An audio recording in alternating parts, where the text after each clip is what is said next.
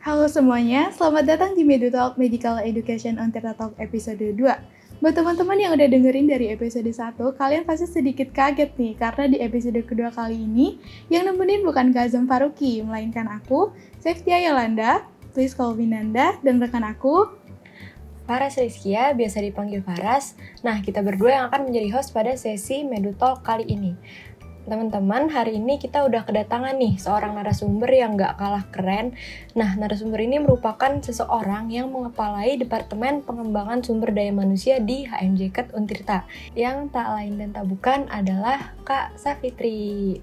Halo Kak Safit. Halo Kak Safit. Halo Nanda, halo Faras. Halo Kak. Oke, mungkin boleh perkenalan diri dulu nih Kak Safit. Oke, kenalan dulu ya. Karena kan tak kenal maka kenalan dong gitu kan. Jadi halo teman-teman semuanya, namaku Safitri Mardia Harunisa. Bisa dipanggil Lalisa Love Me, Lalisa Love Me. Aku bisa dipanggil Safit dari Kedokteran Untirta Angkatan 2019. Kebetulan juga sekarang lagi diamanahin jadi kepala departemen dari PSDM di HMJ gitu. Salam kenal ya semuanya. Oh iya, tadi kan Kak Sabit bilang nih, kalau Kak Sabit ini adalah Ketua Departemen PSDM. Mungkin boleh sedikit dijelasin nih Kak, eh, PSDM itu apa dan PSDM tuh ngapain aja sih? Oke, jadi kayak deskripsi singkat dulu ya mengenai Departemen PSDM itu apa. Terus nanti aku bakal ceritain juga Departemen PSDM itu ngapain. Jadi, Departemen PSDM ini kepanjangannya dulu nih, yaitu Departemen Pengembangan Sumber Daya Manusia. Di mana di departemen ini gambaran besarnya adalah kita bergerak di bidang pengembangan SDM khususnya di HMJ KET nih, seperti nama departemennya kan. Dan kita juga berkecimpung di bagian kaderisasi. Setelah itu ada juga untuk uh, proker-proker yang lain selain di bidang pengembangan sumber daya manusia dan juga kaderisasi. Misalnya, untuk pengembangan sumber daya manusia ini, kita ada proker upgrading dan juga team building nih untuk meningkatkan kekeluargaan antar sama pengurus. Lalu ada juga untuk misalnya uh, bidang kaderisasi itu ada proker yang namanya OKKMK yaitu orientasi dan kaderisasi keluarga mahasiswa kedokteran Untirta. Jadi di sini itu mencakup nih kita kan ada juga kegiatan namanya LK1 sama PKKMB. Nah, itu tuh mereka berdua ada di proker OKKMK ini, bidang kaderisasi. Wah, keren banget nih Kak Safit. Dengan proker yang besar-besar dan banyak gitu, gimana sih Kak cara Kak Safit ngebagi waktu organisasi sama kuliah Kak Safit? Mungkin tambahan juga sih Kak, waktu organisasi, waktu kuliah, dan waktu untuk keluarga. Karena as we know, tiga hal ini krusial banget dalam kehidupan kita. Waduh, waduh. aku juga bukan expertnya gitu ya dalam membagi waktu. Aku juga masih nyari-nyari gimana cara membagi waktu yang efektif dan bukan ahlinya lah dalam persoalan membagi waktu. Tapi untuk yang pernah aku alamin sendiri yang menurut aku lumayan efektif sih itu dengan pakai timetable gitu. Jadi kan dengan memakai timetable sendiri kita lebih teratur dan terarah untuk hari ini kita mau ngerjain apa ya, untuk besok apa, dan seterusnya. Di mana ini aku nemuin hal ini nih berguna banget pas aku lagi megang proker PKKMB. Jadi pas waktu itu nih sedikit cerita juga, waktu itu pastinya kan dalam sebuah proker itu kita perlu nentuin timeline dari acara tersebut kan. Nah, di situ tuh aku gunain timetable, jadi print satu bulan kalender itu aku tulis untuk hari ini mau ada apa aja ya, terus jam berapa kira-kira. Nah, dengan begitu aku juga lebih terarahkan hari itu mau ngapain aja. Itu deh menurut aku timetable pengaruh banget. Untuk membagi waktu kuliah sama organisasi sih, aku prefer, aku pribadi lebih prefer untuk belajar atau melakukan hal-hal akademik di malam hari gitu. Nggak tahu kenapa lebih ada adrenalin atau enggak lebih ada moodnya gitu ya untuk belajar di malam hari. Untuk membagi waktunya paling ya aku juga harus pinter-pinter mengukur prioritas. Nah selain timetable menentukan prioritas sih juga penting. Untuk membagi waktu sama keluarga aku juga pas online ini kayaknya lebih banyak di depan laptop sih daripada kita interact with our family gitu. Tapi kesempatan-kesempatan itu ada kok. Yang mana kita juga nggak sadarin itu. Tapi pasti ada di mana mungkin setelah kuliah di depan laptop seharian sebelum ngerjain tugas kan kita ada makan bersama. Mungkin di situ keluarga kamu juga lagi pada di rumah semua. Nah pas lagi makan malam atau makan sore gitu. Keluarga kamu pada ngumpul lagi pada ngumpul di situ tuh bisa kita ngobrol-ngobrol bareng terus juga kan aku um, muslim. Nah pada sholat berjamaah itu biasanya sih aku sholat berjamaah itu sholat maghrib sama isya sama subuh. Nah di situ juga termasuk quality time sih menurut aku kan bersama keluarga Oke, berarti tipsnya nih Kak, mungkin aku bisa simpulin untuk pembagian waktu atau time management dari waktu organisasi dan kuliah itu Kakak gunain timetable, sedangkan untuk quality time bersama keluarga itu mungkin bisa dengan makan bersama gitu-gitu ya Kak. Karena Kak Safit, aku mungkin mau cerita sedikit. Aku sendiri sebagai anak baru dalam dunia perorganisasian ini bisa diprediksi bahwa time management aku itu buruk banget Kak waktu untuk organisasi, kuliah, bahkan waktu untuk keluarga itu tidak termanage dengan baik, bahkan cenderung acak-acakan nih kak. Iya, bener banget nih karena ya untuk waktu untuk keluarga tuh sebenarnya penting juga ya Nan. Jangan sampai gitu karena kesibukan kita organisasi, kuliah sampai uh, ngelupain waktu bareng keluarga gitu. Nah sebenarnya kalau aku nih juga sama gitu sama Nanda waktu pas awal-awal organisasi tuh time management aku juga mungkin karena masih masa adaptasi gitu ya. Jadi masih belum terlalu ngerti gitu lah ya time management yang baik tuh gimana belum tahu juga caranya. Jadi ya masih agak berantakan gitu kak. Nah karena topiknya udah menarik banget nih kak jadi aku excited pengen tanya-tanya lebih lanjut nih. Karena tadi kan kita udah bahas seputar time management. Mungkin sekarang uh, boleh ya kak aku mau ngebahas tentang PSDM-nya dari namanya aja gitu PSDM, pengembangan SDM. Berarti kan PSDM ini berhubungan dengan uh, kualitas SDM-nya ya kak. Nah yang mau aku tanyain, gimana sih caranya Kak Safit se sebagai leader PSDM untuk menjaga agar sumber daya manusia yang ada di Departemen PSDM itu menjadi lebih berkualitas dan tetap konsisten gitu kak dalam menjalankan tugas-tugasnya yang tentunya hal itu pasti nggak mudah untuk dilakukan. Wah, kayaknya bukan aku deh yang berperan utama untuk menjaga konsisten atau kualitas dan mungkin keharmonisan dari departemen PSDM sendiri. Tapi di sini aku ngeliat teman-teman PSDM yang lainnya tuh juga saling bekerja sama gitu untuk dapat memaksimalkan kinerja dari PSDM. Jadi kayak aku juga mau makasih banyak banget kepada seluruh teman-teman PSDM yang udah bekerja keras sampai saat ini dan juga mau diajak kerja rodi gitu ya istilahnya karena kebanyakan juga aku ngeliatnya proker dari PSDM itu besar-besar gitu. Tapi kita sebagai mahasiswa, apalagi sebagai mahasiswa kedokteran yang juga mengikuti organisasi itu, pasti kan juga kayak di samping perkuliahan dan akademik yang sudah memumetkan itu, kita harus memenuhi proker organisasi, itu kan pasti kita mumet ya. Dan juga kayak nggak semangat lagi untuk menjalankan organisasi tersebut. Yang mana itu adalah kita mengalami fase demotivasi untuk organisasi.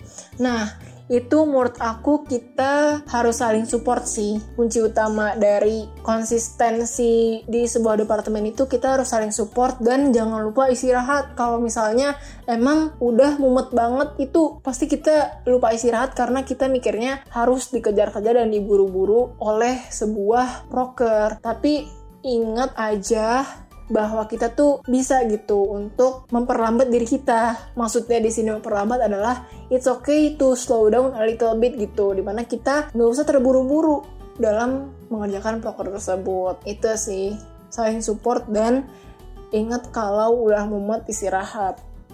Oke, jadi intinya untuk tetap konsisten jalanin tugas supaya nggak demot juga, supaya nggak bosen gitu ya kak. Kita tuh butuh support dari teman-teman banget gitu ya kak. Mungkin karena senasib sepenanggungan gitu ya, sama-sama capek kuliah juga, mungkin sama-sama capek di organisasi gitu. Jadi kuncinya tuh harus saling support gitu teman-teman.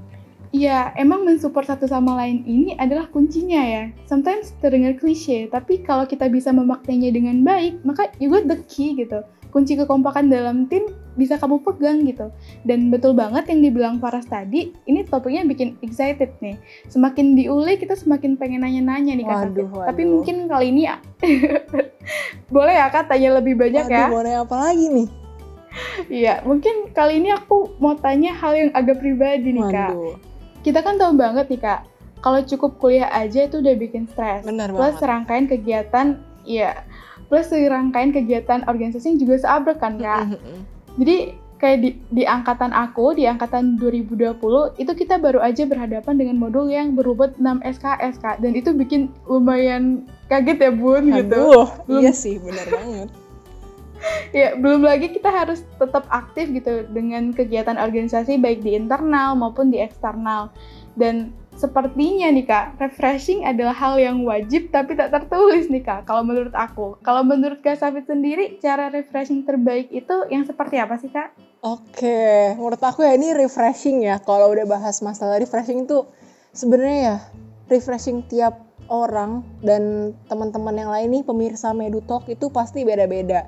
Nggak cuma misalnya aku bilang, oh refreshingnya coba deh makan yang enak atau enggak nonton sana atau enggak tidur sana. Itu pun nggak semuanya teman-teman yang ngelakuin hal tersebut yang aku bilang tadi ngaruh di teman-teman kan.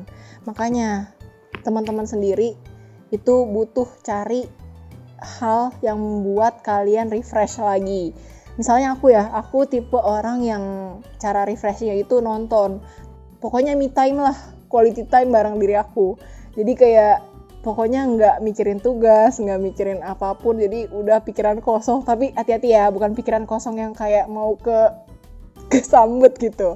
Saya kayak kayak pokoknya nyenengin diri aku sendiri gitu. Dan buat teman-teman juga nih, cara refreshing yang terbaik itu teman-teman juga harus care for yourself more gitu. Jadi teman-teman udah sibuk dengan kuliah dan ditambah organisasi apalagi organisasinya nih ya ada yang double double ada juga yang tiga malah ya atau enggak ada yang empat malah kan kita nggak ada yang tahu kan.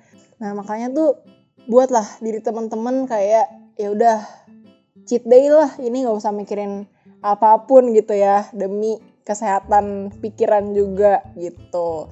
Jadi pokoknya pasti Nanda sama Faras juga pernah ngelakuin hal ini atau enggak pernah denger yang namanya prokrastinasi. Nah, itu kan kayak menunda sesuatu dulu tapi nanti di akhir kita kerjainnya tuh dengan sungguh-sungguh kan. Itu yang aku tangkap dari segi prokrastinasi ini. Nah, kataku sih itu nggak apa-apa sih selagi kalau misalnya emang teman-teman semua pemirsa Medutalk ini melakukan hal itu gitu. Jadi kayak teman-teman bikin mood teman-teman semua dulu tuh baik gitu kalau misalnya kita mau ngelakuin sesuatu tapi mood kita nggak bagus kan sama aja ya. Nggak selesai-selesai nantinya. Nah makanya untuk ngelakuin sebuah prokrastinasi itu nggak apa-apa menurut aku ya. Tapi kalau misalnya teman-teman ada yang kontra dengan prokrastinasi tersebut itu juga terserah teman-teman. Balik lagi gimana teman-teman refreshingnya. Tapi nanti abis teman-teman ngelakuin prokrastinasi ini nih harus juga nih ingat tanggung jawab teman-teman sebagai mahasiswa. Habis senang-senang udah bikin mood naik nih terus kerjain deh hal yang menjadi tanggung jawab teman-teman semua itu menurut aku sih Nanda Faras Nah, jadi gitu ya teman-teman, perlu diingat nih, walaupun kita emang sibuk sama keseharian kita, kayak kuliah sama organisasi, tapi jangan lupa juga gitu untuk menyisihkan waktu buat refreshing, biar kita juga gak stres gitu ya kan, di tengah jadwal yang padat ini. iya, Dan bener. jangan lupa juga buat jaga kesehatan ya teman-teman. Nah dari serangkaian cerita Kak Safit tadi nih kayaknya bisa kita simpulin ya kalau Kak Safit nih emang udah berpengalaman banget gitu dalam berorganisasi. waduh waduh Nah kira-kira ada gak sih nih Kak pesan-pesan atau tips-tips dari Kak Safit untuk teman-teman yang saat ini mungkin baru tertarik untuk ikut organisasi atau bahkan yang sudah berada dalam organisasi itu sendiri.